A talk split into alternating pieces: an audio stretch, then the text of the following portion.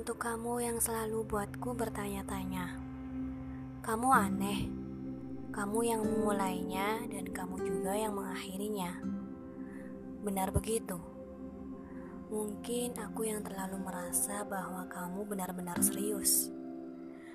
Karena satu hal yang harus kamu tahu, baru pertama kali aku merasakan ini. Merasakan hati yang belum pernah mengenal apa itu cinta dan kamu yang memaksakan harus mengenalnya.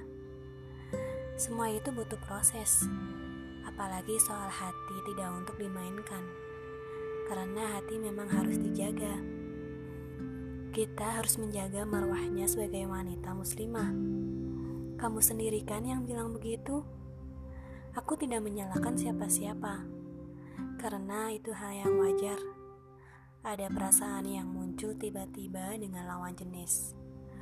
Mungkin ini waktu jeda yang diberikan Allah untuk kita.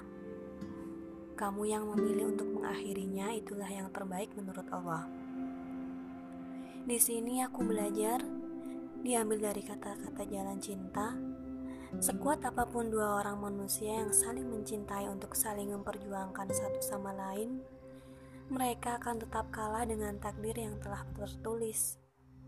Sebaiknya sediam apa pun dua orang hamba yang saling mencintai dalam doa.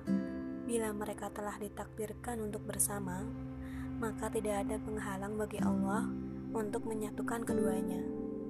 Tergantung bagaimana kedekatan kita dengan pemilik hati sang jodoh. Ialah Allah.